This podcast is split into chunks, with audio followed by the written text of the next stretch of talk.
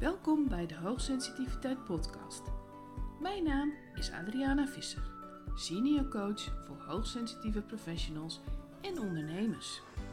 In deze podcast neem ik je mee in authentiek hoogsensitief leven, werken of ondernemen, zodat jij kiest voor jouw geluk. Ik wens je veel waardevolle inzichten. Ook in deze aflevering wil ik je meenemen in hoogsensitief werkgeluk. Dan een ondernemerschap. vergeet niet, altijd in combinatie met levensplezier, levensgeluk, hoe jij het noemt. De ene kan niet zonder het andere. Ik hoor heel vaak in mijn praktijk, ik baal er zo ontzettend van dat ik niet meteen kan reageren. Maar er gebeurt dus ontzettend in jouw brein, in jouw systeem, waardoor je ook niet zomaar reageert. En persoonlijk vind ik dat eigenlijk ook wel verstandig. Situaties zijn vaak complex en het is verstandig om ze eerst te observeren. Want daar start het mee. Als je hoogsensitief bent, ben je altijd uitgebreid aan het observeren. Zie dit ook weer als een kwaliteit.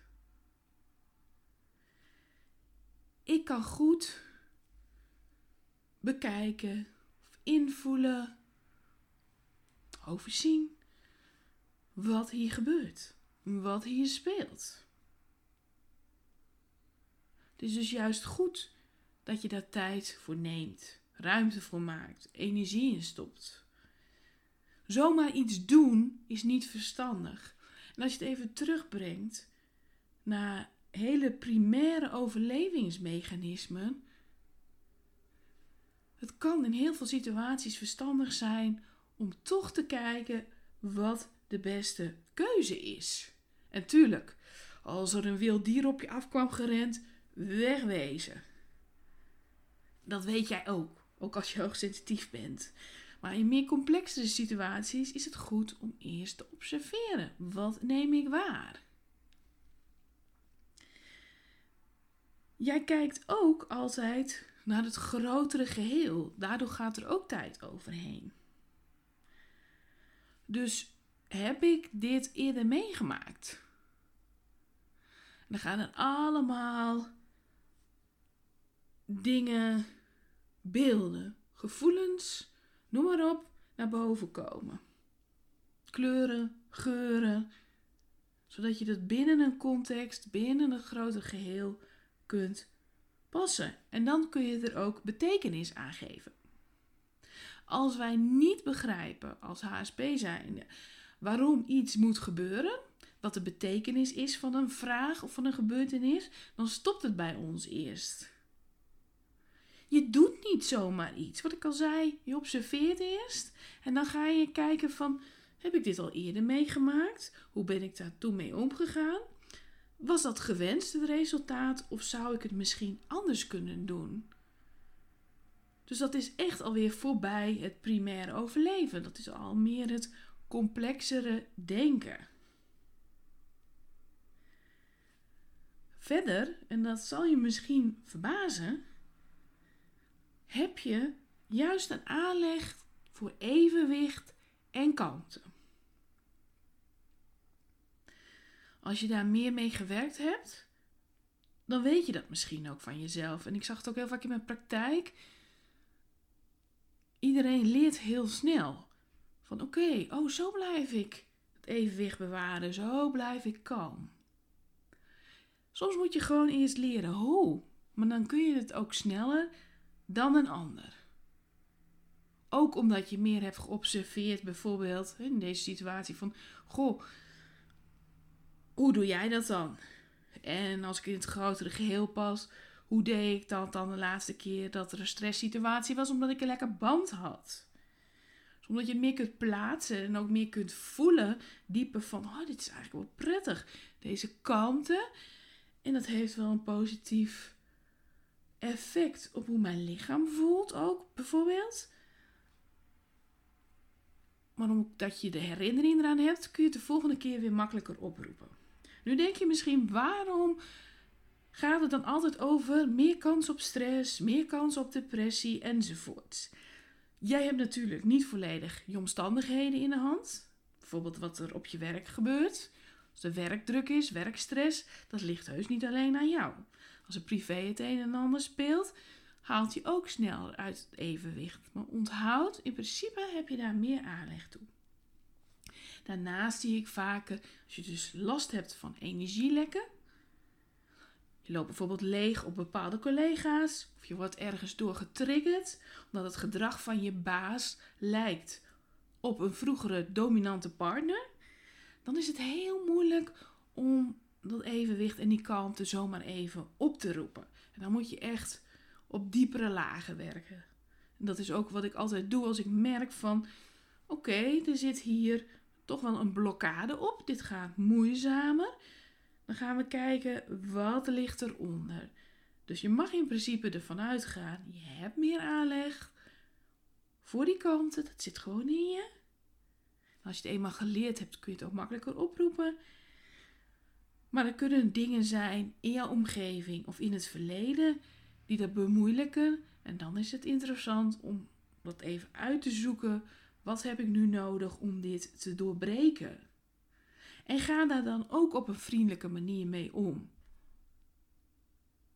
Want als je wilt dat je meer plezier hebt in je leven, meer werkgeluk ervaart of ondernemersvrijheid, dan is het belangrijk dat je leert omgaan met energielekken, met triggers.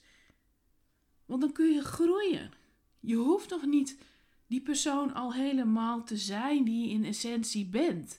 Juist het hele leven stelt je in de gelegenheid om je steeds meer te ontwikkelen tot de persoon die je eigenlijk bent. En die impact te hebben op de mensen in jouw omgeving. Dus dat mag er allemaal zijn. Daarnaast kijk je ook altijd wat zijn risico's? Wat zijn kansen? Dat doe je ook niet zomaar iets. Je kijkt eigenlijk ook altijd van als ik deze keuze nu maak, welke gevaren zijn er? En, wij hebben vaak dan het idee, ja, dat zijn al die apen en beren op de weg die we zien. Maar die horen er dus ook echt te zijn.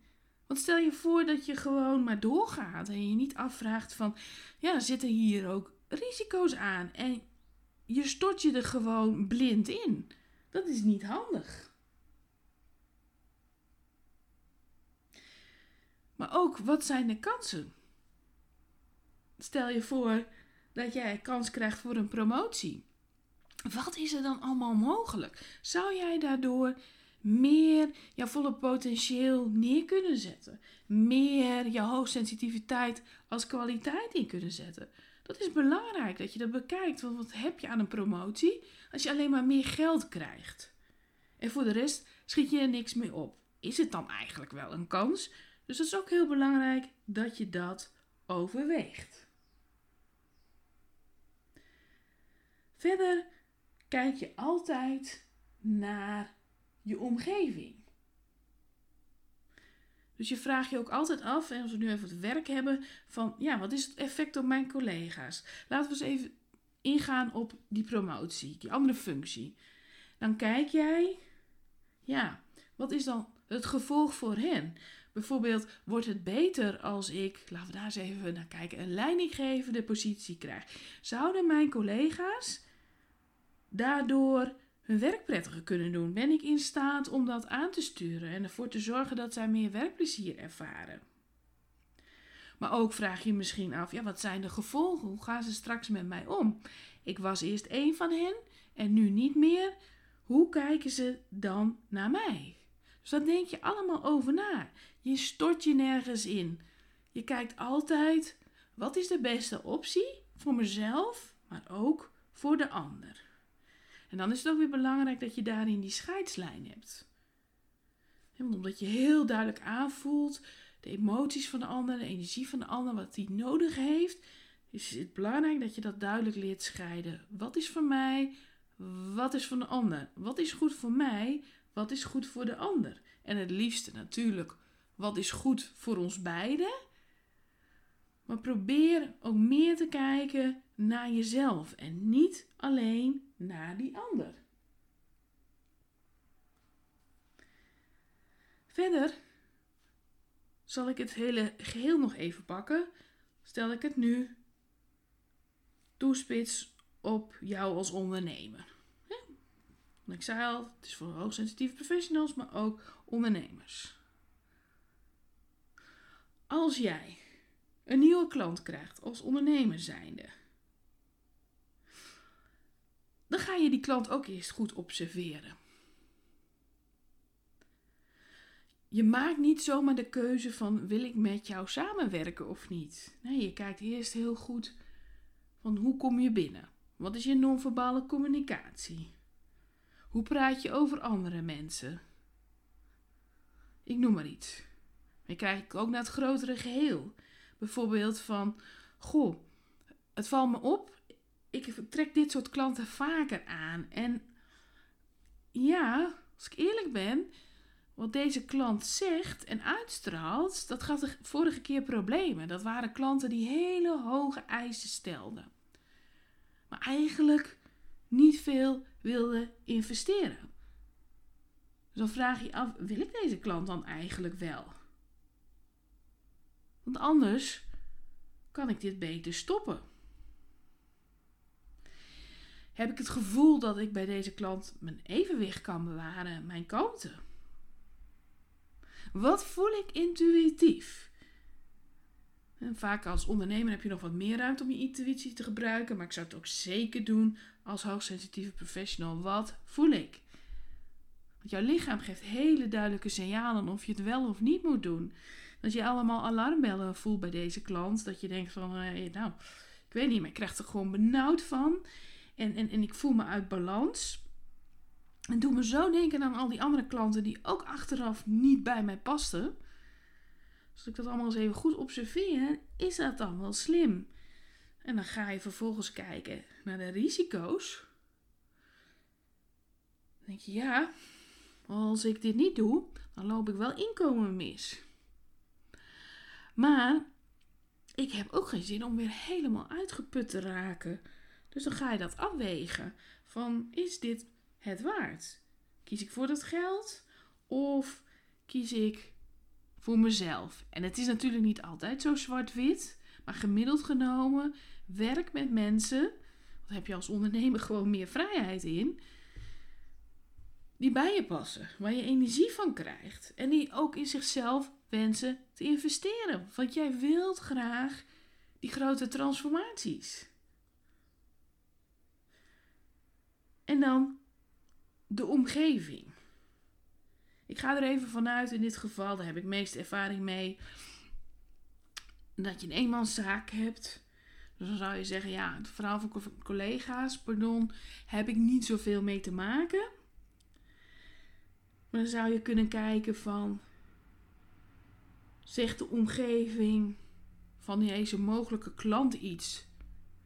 Als ik hoor ze vertellen over een partner die er eigenlijk niet mee akkoord gaat. Wat zouden dan de gevolgen voor deze klant zijn? Is het dan wel verstandig om met deze klant te werken? Noem even klant, of misschien zeg jij coachie of, of cliënt of het is allemaal oké. Of je kijkt naar je eigen omgeving, dat je denkt van ja, ik ben mantelzorger of ik heb een klein kind. En dat kost me al genoeg energie. Als ik deze klant nu in moet gaan passen, dan gaat dat ten koste van de rest. Dus zo zie je, of je nou professional bent of ondernemer, het is juist goed dat je de tijd neemt om alles goed te verwerken. Dat je niet zomaar iets doet. Dat past dus ook gewoon niet bij je. Ga dat dan ook niet forceren. In loondienst zoek de mogelijkheid om niet meteen te hoeven reageren. Ik zeg ook altijd, zeg eerst altijd maar. Ik kom er later op terug, dankjewel. Zeg niet meteen ja, zeg niet meteen nee. Denk erover na. Dat geeft jou de tijd om dit allemaal te doorlopen, zodat je optimale keuzes maakt. Want daar gaat het om. Als HSP wil je optimale keuzes maken. Als ondernemer wil je ook optimaal. Je wilt een cliënt die in zichzelf wenst te investeren en ook goed op zichzelf kan reflecteren. Daar wil je mee werken. Dus het is belangrijk dat je ook kijkt of die persoon daartoe in staat is. Dus dwing jezelf niet, omdat je dat ziet bij collega's met een eigen bedrijf, onderneming, die beslissen, hup, hup, hup, snel even. Dwing jezelf daar dan niet toe om dat ook te doen. Dat past gewoon niet bij je. Dus wederom, wees authentiek. Kijk naar hoe jouw brein werkt. Kijk hoe jouw systeem werkt. Kijk wat je nodig hebt en zet dat dan in als kwaliteit. Nogmaals, ergens instorten is niet bepaald een kwaliteit. Ja, het is leuk als je van een glijbaan afgaat, maar dit heeft wel iets meer impact. Dus wees juist blij dat je zo denkt, dat je zo werkt. Ik zei het al eerder, het is de week van het werkgeluk. En tot en met oktober geef ik jou korting op mijn online programma. Dan vul je bij het afrekenen werkgeluk in en dan wordt dat verrekend. Wil je meer erover weten? Ga dan naar mijn website adrianavisser.nl slash hoogsensitief werkgeluk. Bedankt voor het luisteren naar deze nieuwe aflevering. Was het waardevol voor je? Is het interessant om naar deze pagina op mijn website te gaan. adrianavisser.nl slash geluk. Voor als jij wilt weten hoe het is om te kiezen voor jouw levensplezier, werkgeluk of ondernemersvrijheid. Wil je op de hoogte blijven van de afleveringen? Dan kun je je abonneren op de podcast. Tot slot, denk je dat deze podcast ook waardevol is voor anderen? Dan zou ik het heel fijn vinden als je een positieve review wilt geven. Bedankt en tot de volgende keer.